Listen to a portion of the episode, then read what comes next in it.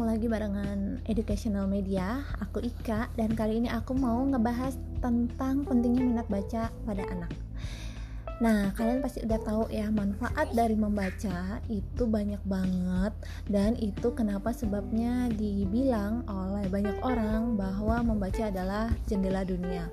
Buku adalah jendela dunia. Artinya apa? Artinya orang yang lebih banyak membaca akan lebih berwawasan luas daripada mereka yang tidak suka membaca buku. Dan kenapa membaca buku menjadi penting kepada anak-anak, terutama anak-anak dalam seribu hari pertama kehidupan. Jadi sejak dalam kandungan anak-anak sudah um, semestinya dibiasakan untuk dibacakan buku. Kemudian sejak dia lahir sampai seribu hari kehidupan pertamanya. Dan hendaknya berlanjut hingga usianya 4 tahun. Kenapa demikian? Karena otak pada anak itu berkembang 80% hingga mereka berusia 4 tahun. Nah, 80% otak ini akan membuat uh, pengaruh besar dalam hidupnya hingga dewasa kelak, bahkan seumur hidupnya. Karena 80% otak yang terbentuk itu adalah dominan sekali jadi kalau dalam masa 80% otak yang terbentuk ini otaknya kosong, sinapsnya nggak semrawut, maka itu akan mempengaruhi daya pikirnya ke depan. Kenapa setelah 4 tahun uh, biasanya anak-anak itu kelihatan mana anak yang daya ingatnya tinggi, mana anak yang daya tangkapnya tinggi, mana anak yang kelihatan cerdas, mana anak yang gampang paham, mana anak yang nggak bisa diam mana anak yang konsentrasi uh, range konsentrasi mereka panjang mana anak yang susah berkonsentrasi itu biasanya terlihat setelah usia 4 tahun pada anak karena apa? karena otaknya memang sudah terbentuk 80% jadi memang mereka um, sudah mempengaruhi uh, sebagian besar dari kemampuan otaknya. Kemudian dengan membaca, anak itu akan meningkatkan range konsentrasi mereka. Teman-teman bisa coba ke anak di rumah, coba ajak mereka membaca buku. Lalu teman-teman catat dan monitor berapa lama dia uh, betah untuk diam duduk Nah, itulah daya konsentrasi mereka. Banyak anak yang uh, setelah 4 tahun dan mau masuk usia sekolah, orang tua bingung. Kenapa ya anak aku nggak mau diem? Kenapa ya anak aku susah konsentrasi? Sebagian orang tua akan menganggap, ah iyalah namanya anak-anak gitu. Tapi sebagian lagi akan memeriksakan anak mereka.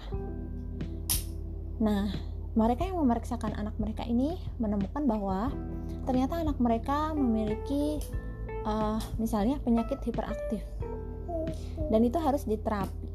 Nah, salah satu terapinya biasanya adalah mengurangi konsumsi gula, mengurangi mengurangi susu formula, kemudian dilatih membaca buku gitu. Dan um,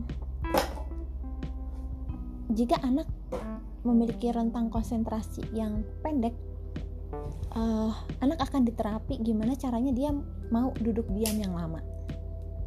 Karena apa? Karena nanti pada saat sekolah anak butuh untuk duduk diam yang lama gitu.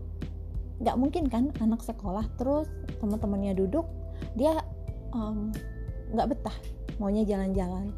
Atau muter sana muter sini atau kakinya gerak-gerak terus tangannya gerak-gerak terus nggak bisa diam gitu itu berpengaruh sekali sejak dia bagaimana orang tuanya mentreatment dia sejak seribu hari pertama kehidupan. Nah, banyak sekali manfaat buku yang lainnya selain membentuk rentang konsentrasi anak. Buku juga membantu anak untuk mendapatkan ribuan kosakata baru dalam satu halaman buku.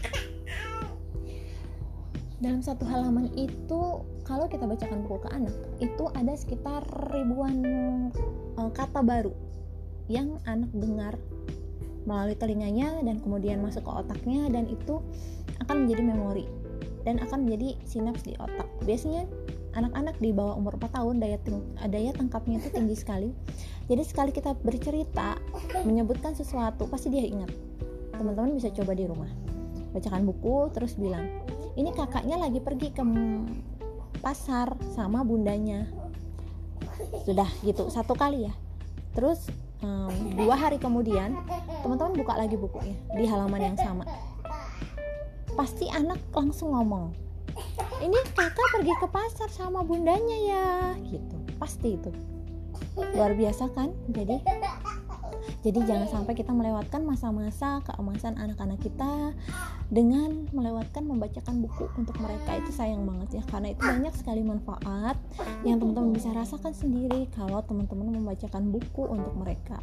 Dan tentunya untuk buku ini lebih baik kita nggak sembarangan buku ya.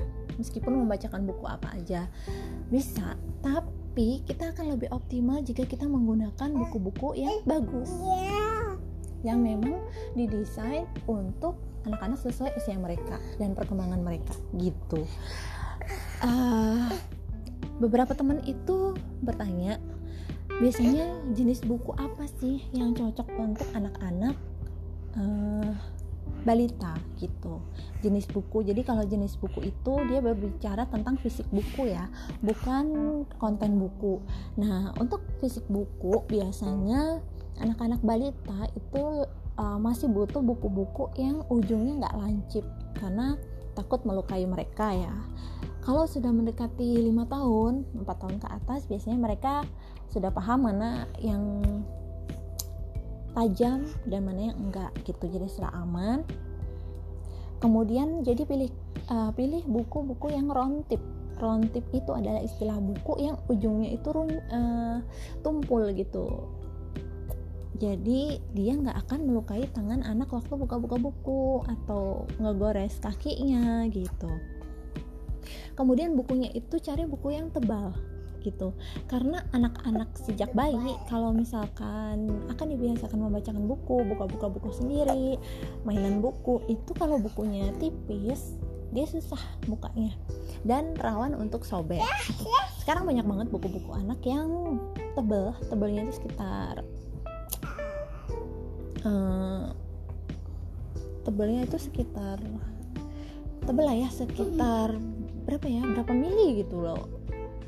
Nggak nyampe satu senti juga sih. Jadi kalau dibuka itu dia anti air terus nggak bisa sobek yang gitu-gitu kan. Teman-teman paham ya.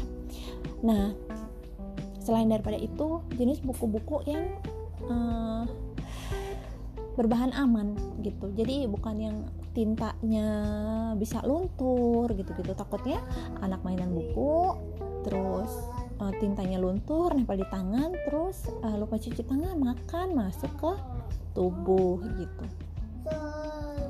Selain daripada itu uh, untuk bicara tentang konten konten itu sesuaikan dengan usia anak ya kan?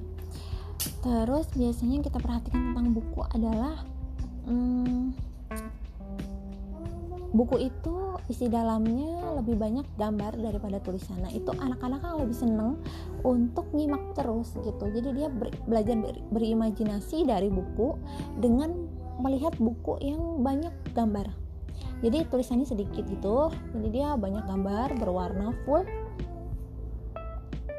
Terus uh, dia akan berimajinasi sendiri biasanya ngomong sendiri ah ini kakak ada gunungnya. Gunungnya warnanya warnanya hijau ada langitnya warnanya biru gitu. Jadi dia akan ngomong sendiri.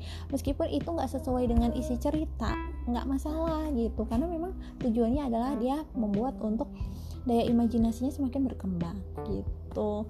Dan kalau kita ngomongin soal buku tuh banyak banget ya yang bisa kita bahas yang bisa kita ulik yang bisa kita ulas. Dan segudang manfaat. Nah, untuk di podcast kali ini kayaknya kita bahasnya itu dulu. Manfaat buku bagi anak dan kemudian di podcast selanjutnya kemungkinan kita akan membahas tentang um, buku juga. Misalkan jenis-jenis buku kemudian um, bagaimana teknik mendongeng yang baik gitu. Bagaimana uh, memaksimalkan buku untuk mencegah speech delay dan sebagainya. Oleh karena itu teman-teman silahkan um, simak terus podcast educational media ini dan um, jangan lewatkan informasi-informasi menarik lainnya. Sampai jumpa